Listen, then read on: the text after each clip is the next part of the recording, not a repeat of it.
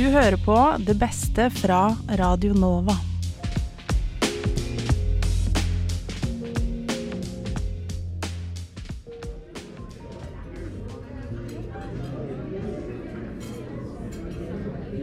Eh, Hei, hallo, hei. Eh, Jeg heter Alexander, eh, og jeg skal være deres servitør i dag. Og på menyen foran dere så ser dere hva vi har å tilby her på eh, Oslo-studentenes eh, helt egen radiokanal. Men jeg vil jo klart anbefale vår fireretter, da. Det beste fra Radio Nova. Den består i dag av nøye utvalgte råvarer fra uke 17. Som aperitiff så får dere et innslag av Benjamin fra Opplysningen eh, om Tucker Carlsons exit fra Fox News. Eh, Forretten er et utdrag fra en samtale fra tekstbehandlingsprogrammet hvor Sofie og Alva snakker om Eve Babbitts og Joan Didion.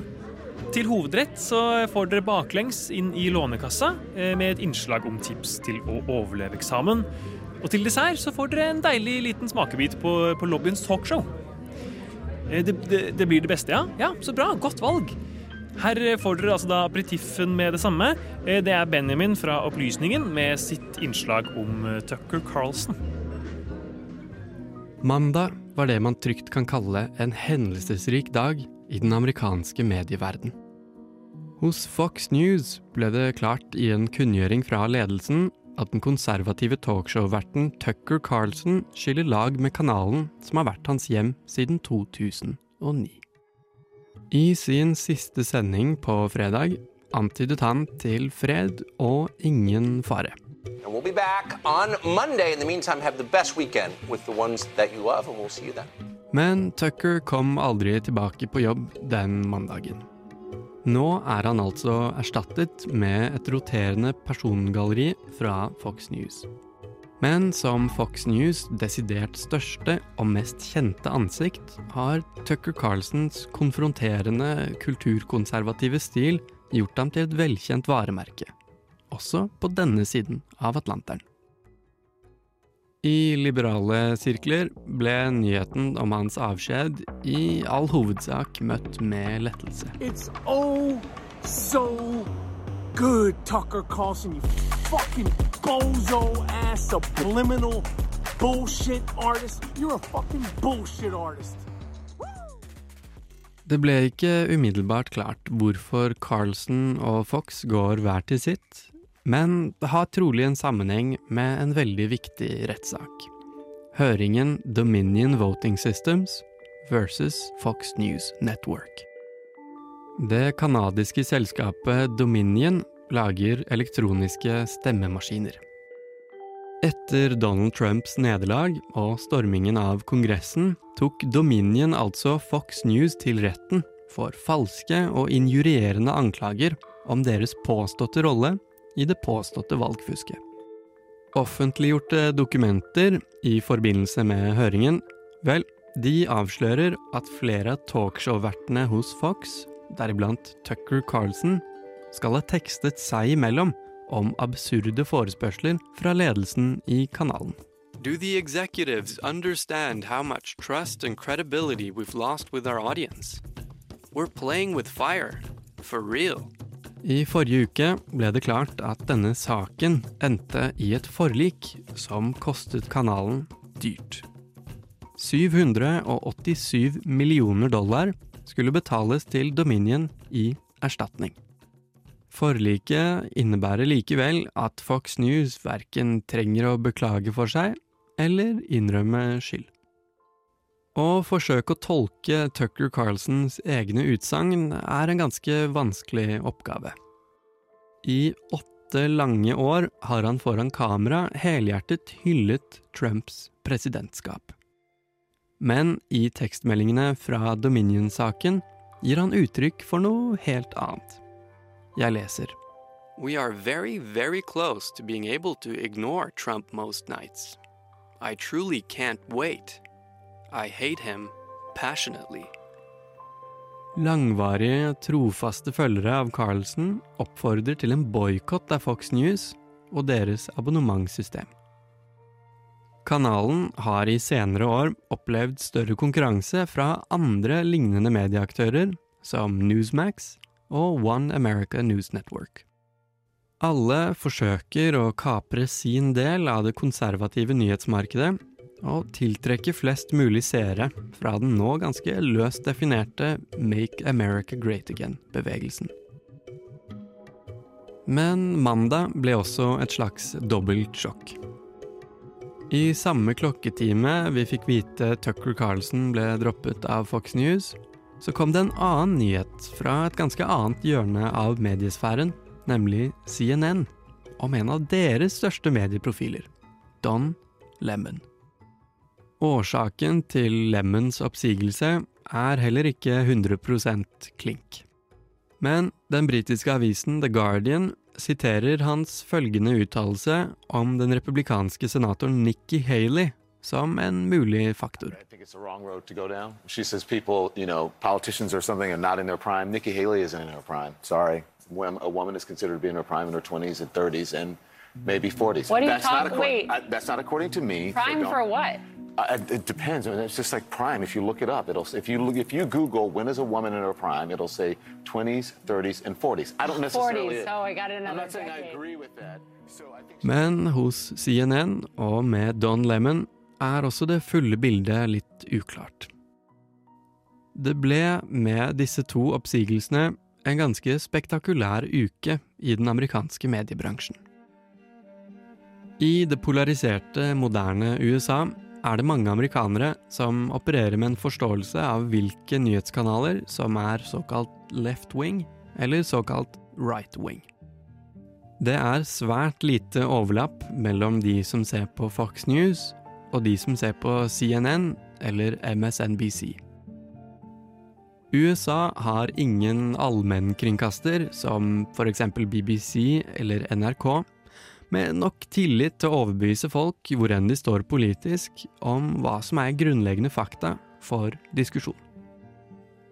Og det jeg skal si nå, virker nok ganske sprøtt for oss, men det har ikke alltid vært slik i USA. Før 1987 var amerikanske medier bundet av den såkalte fairness-doktrinen. I diskusjoner om kontroversielle politiske saker var det et strengt krav om at forskjellige synspunkter skulle luftes for diskusjon. Utover 90-tallet, med fremveksten av abonnementsbasert kabel-TV, ble medielandskapet mer utpreget politisk og langsomt gradvis polarisert til det vi kjenner i dag. Hvor Tucker Carlson og Don Lemon ender opp, vil tiden vise. De vil nok ikke slite altfor lenge med å finne seg nye jobber i andre vakre hjørner av mediebransjen. Hvis du, i likhet med meg, syns det amerikanske nyhetsklimaet kan være ufattelig slitsomt og altoppslukende, ja, da har vi kanskje god grunn til å være glade for å bo i kjedelige Norge.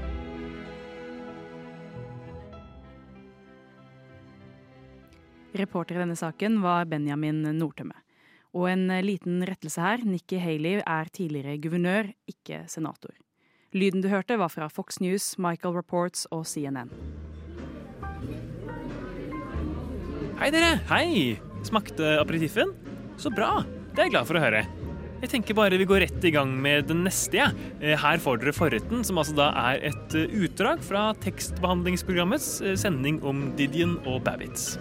Og nå har vi jo nettopp introdusert Didin og Babitz. Um, og nå skal vi gjøre det vi har gledet oss til. Eller iallfall du har gledet deg til, Sofie. Nå skal vi prøve å liksom sammenligne disse to og gå litt mer inn i dybden på faktisk måten de skriver på, og tekstene de skriver. Og du snakker jo om Eller man har jo på en måte aldri snakket at de skriver litt forskjellig måte. At Eve Babitz kanskje bruker seg sjøl mer eh, i teksten enn det Joan Didion gjør. Har du et eksempel på det, eh, Sofie? Ja, jeg har et eksempel fra Eves Hollywood som jeg syns eh, illustrerer veldig godt.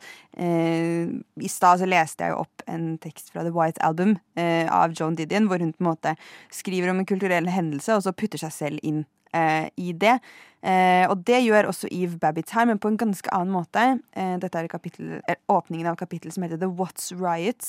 Eh, hvis man ikke kjenner til The Watts Riots, så var det et opprør eh, i LA i 1965, eh, som var en protest mot eh, eh, det var noe sånn politivoldsbruk mot afroamerikanere. Wow, så langt vi har kommet i verden. Um, men det begynner sånn her. I spent the Watts riots in a penthouse at the Chateau Mormont with this ex philosophy major from Stanford, whose family owned all the more oily pieces of land in Arizona, Mexico, and California, and who had taken up the profession of herding cattle. He was a Stanford cowboy, and how I always thought of him in my mind. He showed me his spurs, so I'd believe him, and his saddlebags. In his saddlebags, he kept his prized possessions books on magic and the works of Aleister Crowley. His horse must have felt like a rowing, roving library. The police shot this guy in a car while he was taking his wife to the hospital to have a baby, just as Nicky, the Stanford cowboy, must have been checking into the chateau that evening, having driven from Indio, the desert where the Santa Ana winds came from. The guy getting shot in Watts made the winds, I think, like escaping gas explode. LA was closed. Hun skriver jo også om en stor, ganske mørk hendelse som fikk kulturelle konsekvenser i LA.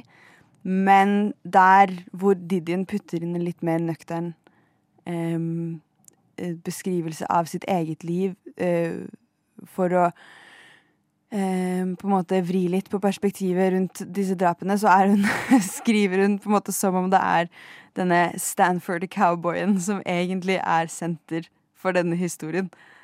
Uh, og jeg, jeg syns det er veldig beskrivende for hvordan hun skriver generelt, og hvordan hun beskriver livet sitt i LA. Det er liksom Det er hennes egne eskapader og menn og uh, ting hun har gjort, som står i sentrum. Og så får man på en måte et sånt andrehånds innblikk i LA-livet rundt det, da. Uh, gjennom det hun forteller, heller enn at hun prøver å fortelle om LA og på siden ender opp med å fortelle om seg selv, også som reporter. Um, og på en ganske mye mer, altså Hva kan man si? Hodet mitt vil si rowdy. Jeg tror ikke det blir riktig. Men um, på, på, en litt mer crazy måte, da, på sitt vis. Altså, det blir jo ganske motsatt fra, fra Didion, som vi har jo nevnt, at hun plasserer seg også i ikke et kaos, men i veldig mange typer hendelser. Men ikke med seg sjøl som hovedfokus. Hun Nei. bruker ikke de historiene på den måten. Hun bruker de som en sånn forklarende eh, hendelse, ja. Mm. Uh, men, men, kan jeg spørre, hva liker du best å lese? Jeg syns Altså, jeg syns Babbitts er en flott, veldig eksentrisk eh, forfatter, og jeg syns det hun skriver om, er veldig gøy. Men Didien har noen kvaliteter i det journalistiske og i det litt mer nøkterne. Og i det ekstreme blikket hun har for kulturelle tendenser, som bare altså, det, det, har aldri vært noe som har kunnet overgå det for meg. Så det er hun som på en måte nærmest ditt uh, hjerte? Hun er min litteraturdronning, altså. Hm. Virkelig. Jeg tenker, For min del, så når jeg leste The White Album, så var det så ekstremt mye ting jeg måtte søke opp. Eh, også fordi det var mye kulturelle hendelser som jeg har hørt om, men som jeg ikke eh, visste nok om til å forstå måten å skrive det på. Så når jeg leste Babitz, var det på en måte lettere, fordi da var det ikke de kulturelle hendelsene som var i fokus. Da var det på en måte hennes liv. Mm. Så sånn sett syns jeg det var lettere å komme inn i hennes språk og verden enn Didion. Um, hvis det gir mening. Ja, det kan jeg skjønne. Uh, for jeg har også googla mye når jeg har lest henne. Og så tror jeg man også har et sånt valg om man enten om man vil faktisk inn og lære å um, forstå alle disse hendelsene, eller om man bare vil la det bli en del av teksten. Um, uh, så jeg tror ikke man må søke opp og forstå alt, eller ha den konteksten fra før. Uh, det er en veldig god måte å lære på, men uh, jeg tror I hvert fall som liksom tekstbehandler, da, så tror jeg man kan nyte, nyte Didien også uten, uten, det. Eller selvfølgelig lese de flotte, flotte romanene som hun har skrevet. Absolutt. Jeg forstår. Altså, jeg er veldig Jeg hørte jo også den Tell Me Let Me Tell Me What I Mean på lydbok. Ja.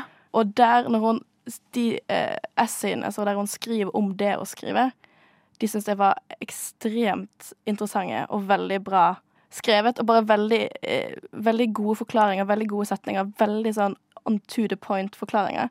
Og da var jo det strippet fra liksom, alt det kulturelle hendelsene, så da kunne man bare fokusere på den skriften. Men jeg tror det Mm. kanskje det er bare i mitt hode som jeg alltid sånn okay, Hvis jeg skal lese noe eh, som forklarer noe, så må jeg også ha litt bakgrunnshistorie for å henge skikkelig med. Det skjønner jeg. Men ja, det er mye mm, eh, Hun skriver om mye flott. Eh, ikke bare om 60-tallet i, i LA. Så, men to fantastiske forfattere som vi har eh, Som vi har pratet om i dag, altså. Vil anbefale alle å fordype seg i begge to. Men hvis du vil anbefale Fordi de har jo skrevet mye forskjellig. Eh, hva vil du anbefale for førstegangslesere?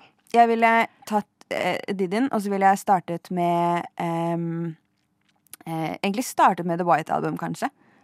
Enten det eller Let Me Tell You What I Mean. Eh, og lest de. Og så ville jeg kjøpt meg The Last Thing He Wanted.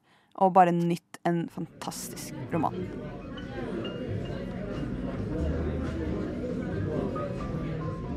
Se der, ja. Hei igjen. Eh, håper dere fortsatt er sultne, for vi er jo bare halvveis. Å, men du syns forretten var så bra. Men altså, eh, du kan jo høre hele episoden da, i tekstbehandlingsprogrammet sin podkast-feed. Der finner du hele sendingen, så du kan høre ferdig resten hvis det, hvis det høres interessant ut. Eh, fordi, eh, se her kommer hovedretten. Eh, det er baklengs inn i Lånekassa med tips til å overleve eksamensstresset. Vi er på Blindern, og vi skal spørre studentene her om sine beste eksamenstips, sånn at du, jeg mener, du kan stå på eksamen i år òg. Hva er det man skal gjøre for å stå på eksamen, egentlig? Jeg tror ikke du bør spørre oss om. Jeg tror i grunnen vi har mer nytte av å se denne videoen enn det vi har av å bidra i den. OK, hva er deres beste eksamenstips? Eh, mange tror at selve lesingen er det viktigste, men det viktigste er pausene. Har du studert lenge? For lenge. Eller jeg har studert fire år nå. Ja, men da er du veteran i eksamen. Hva gjør du for å få ei god eksamenstid? Jeg prøver å spise godt, og så bare går jeg ut ifra at det går bra. Og så pleier det å gå bra. OK, så gå ut ifra at det går bra. Snakker vi sånn manifestering nå? Ja, basically. E, så er du med, liksom. Du ser veldig betenkt ut. Det er jeg. Jeg. eh, Du ser det kanskje ikke på meg, men jeg stresser masse for eksamen for øyeblikket. Men, ikke for å anta noe her, men jeg tror du har stått på en eksamen før, har ikke du det? Ja, jeg har også stryker, så 50-50. OK, ja, men da har du jo masse erfaring. Hva er det som er For hva som gikk bra, og hva som gikk dårlig, ikke sant? Ikke sant? Det tenker jeg også. Hva er suksessoppskrifta? Det er eh, på eksamensdagen, våkne opp, ta deg en Red Bull, ta deg en linje Nei, nei, nei, nei, nei, nei. Da skriver du som en sjef. Jeg vet ikke om vi har lov til å vise dette her noe sted. Jeg skal si jeg sto. Og når jeg ikke gjorde det, da gikk det til helvete. Det kan hende at det er andre bakenforliggende faktorer som spiller inn, men jeg har ikke kontrollert for dem, dessverre. Du da, har du stått på en eksamen før? Ja, og det er en god start å møte opp, i hvert fall. Ta det derfra. Drikk nok kaffe, bare for å komme deg gjennom dagen. Ta pauser. Husk å kose deg. Ja, husk å kose deg. Et tips jeg gjerne skulle likt å fått sjøl dette semesteret, er prøv å passe på at eksamen din er på forskjellige datoer. Det er en fordel. Oi. Hva gjør du når uhellet er ute? Um, håper på det beste. Kanskje jeg skal betale noen til å gjøre den ene eksamen. Jeg har ikke helt bestemt meg, egentlig. Det, det blir spennende. Mitt eksamenstips til sånn tredagers er um, stå opp og ha vanlige dager sånn de første to dagene. Og så på siste dagen, det er da, hvis du mangler liksom døgnet for å bli ferdig, det er da du setter inn støtet. Men det er dumt å døgne de to forrige nettene, for da, da er du fucked. 100% Det er vondt den siste natta, men eh, jeg står for det. Du må ikke brenne opp for tidlig. Mitt første, eller beste tips er nok eh, ikke overtenk og ikke stress for mye. Kommer til å gå bra uansett. Hvis det ikke går bra, så kan man ta opp eksamen. For min del så tror jeg stress eh, ofte kan virke mot sin hensikt. Det har jo ikke noe hensikt, det er det som er poenget. Så bare øv så godt du kan. Jeg har en god kompis på studiet faktisk som har kommet med en sånn anekdote eller en sammenligning som er veldig passende. For han var, eh, har vært profesjonell turner lenge, og når man driver med idrett, så er det jo sånn at du trener og trener og trener og trener helt til kampdagen kommer. Og kvelden før kampdagen så har du liksom lagt grunnlaget som skal til. Og da vet du at ok, nå får jeg ikke gjort noe mer. Og så får du bare se hvordan det går. Det hjelper ikke kvelden før å begynne å stresslese. Det kommer du til å glemme med en gang. Men hva da hvis man har ikke jobba så veldig effektivt gjennom semesteret? Nei, Da får du nesten bare takke deg selv. Ouch. Jeg har en veldig prosessbasert tilnærming, som vil si at jeg fokuserer 0% på resultatet. Jeg har gitt meg selv en ny karakterskala for å bare manipulere meg selv til å på en måte fokusere på det som ikke stresser meg. Hvordan funker det? Eh, A er apekatt. B er bra. C er cool. D er deilig. E er eksepsjonelt. Og F er for en fantastisk sjanse til å gjøre det igjen. Så da har jeg bare omgått hele problemet med tanke på hvordan jeg stresser meg sammen. fordi at uansett så, så er det positivt betinga. Det her er det kuleste jeg har hørt. Hei en der. Ja, hei. Eh, vil dere ha litt mer å drikke også, kanskje? Fordi eh, nå eh, kommer eh, desserten straks, eh, nå som vi er ferdig med hovedretten. Og det er altså da lobbyen sitt eh, talkshow, hvor Melinda og Nore har hatt besøk av Sigrid. Eh, med meg i studio i dag så jeg Sigrid, vår ærverdige gjest, og med meg som med, medkommentator, med, eh, medansvarlig, eh, jeg har Melinda. Eh, og vi skal da eh, snakke med Sigrid, eh, ansvarlig redaktør på Radio Nova. Eh, og først og fremst, velkommen, Sigrid. Velkommen Tusen hjertelig. Stas og, stas å bli invitert hit, altså. Ja, ja, men det, det er veldig hyggelig å ha deg her. Veldig hyggelig å ha deg her. Mm. Vi er jo, eh, som nevnt, så er vi jo ute etter de viktige samtalene med harde spørsmål. Mm. Eh, og mitt første harde spørsmål er jo Du er jo streit. Ja. ja. Hvor lenge altså. har du visst at du var streit? Um, jeg har vel egentlig alltid visst det. Jeg ble kanskje opp, oppdratt sånn, og så ble det bare, ble det bare sånn det var. Ja. Jeg føler det, altså. Mm. Det har alltid vært sånn. Ja, så du følte det var kanskje litt sånn press fra de rundt deg til å være Ja, kanskje. hetero? Mm. Fra ja, Ja. oppveksten av. Ja. Følte du da du var barn at eh, du kjente på et eller annet? Det var noe der som gjorde at du tenkte at ja, jeg er ikke som alle de andre barna? Mm, ja, det, det er spesielt det hetero eh, gjorde man Man skiller seg jo litt ut. Man Ja. gjør det. Ja. Mm. Um, ja. Ja. For følte du at eh, du var liksom Følte du på den ensomheten i det du sto i? Mm, absolutt. Jeg må si det, altså. Det var Ja.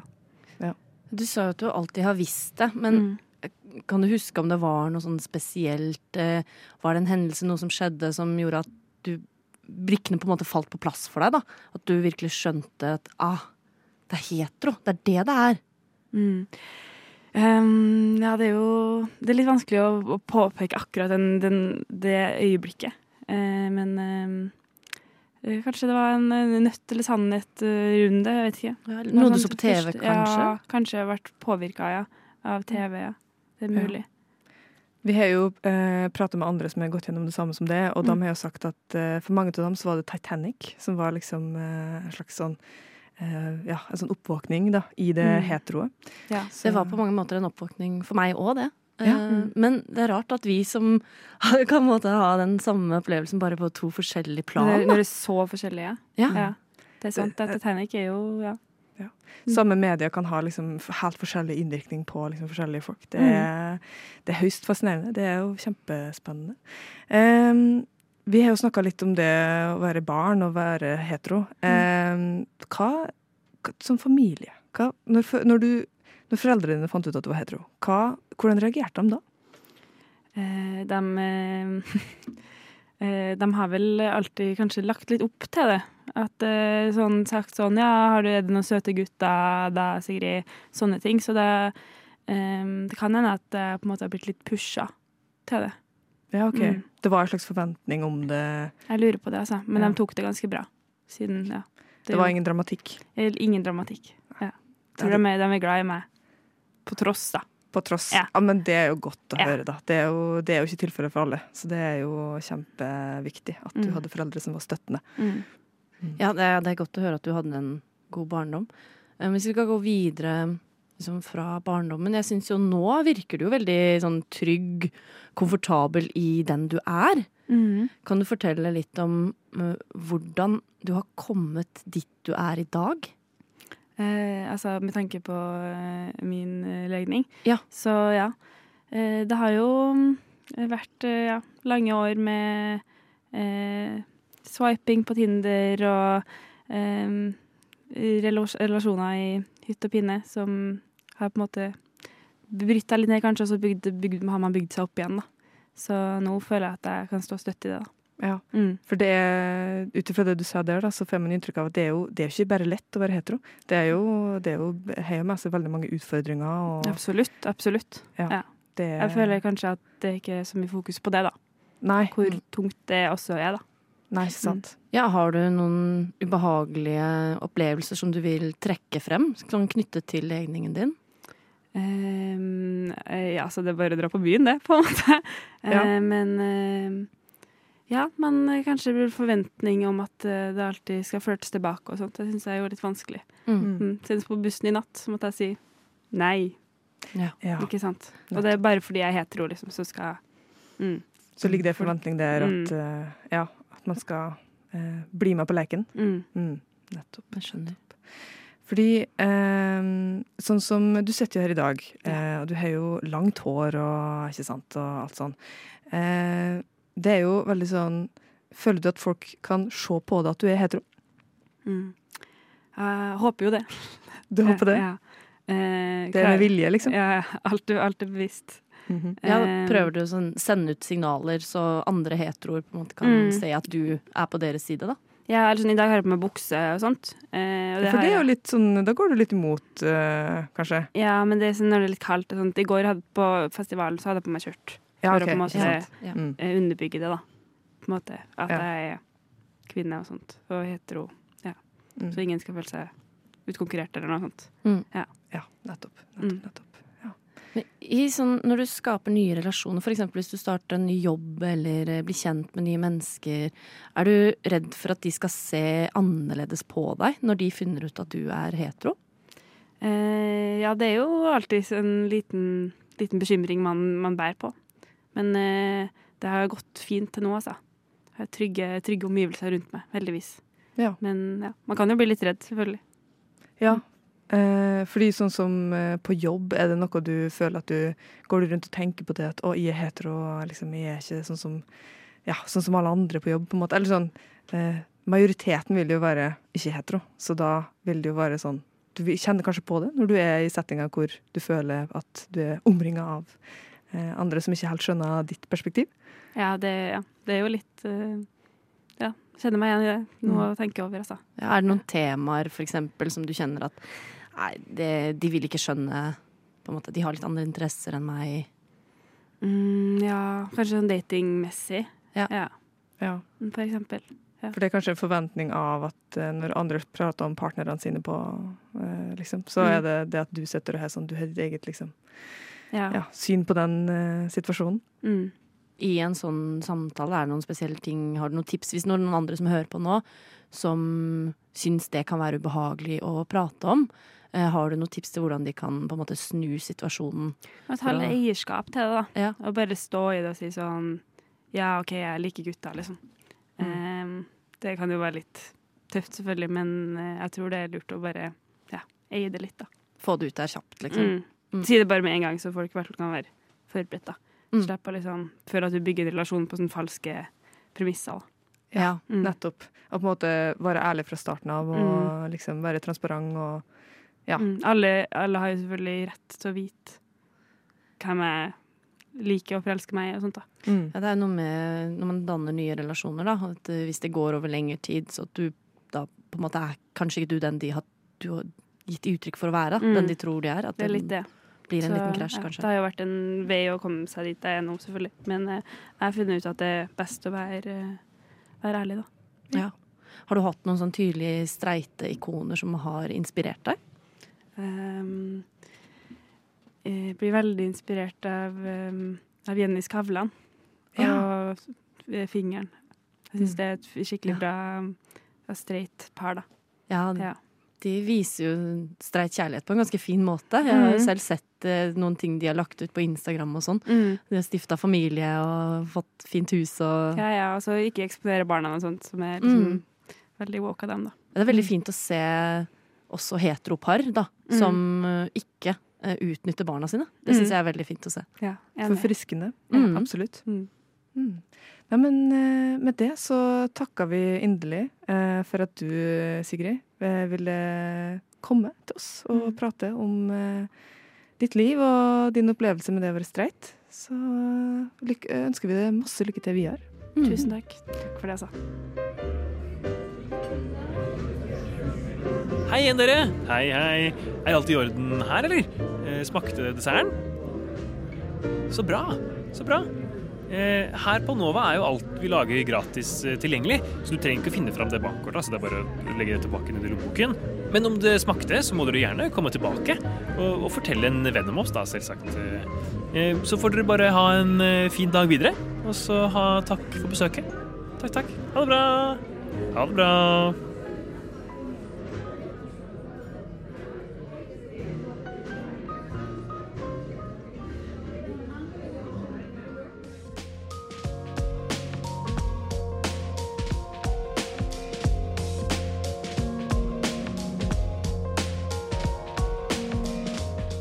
Hørt på en podkast fra Radio Nova.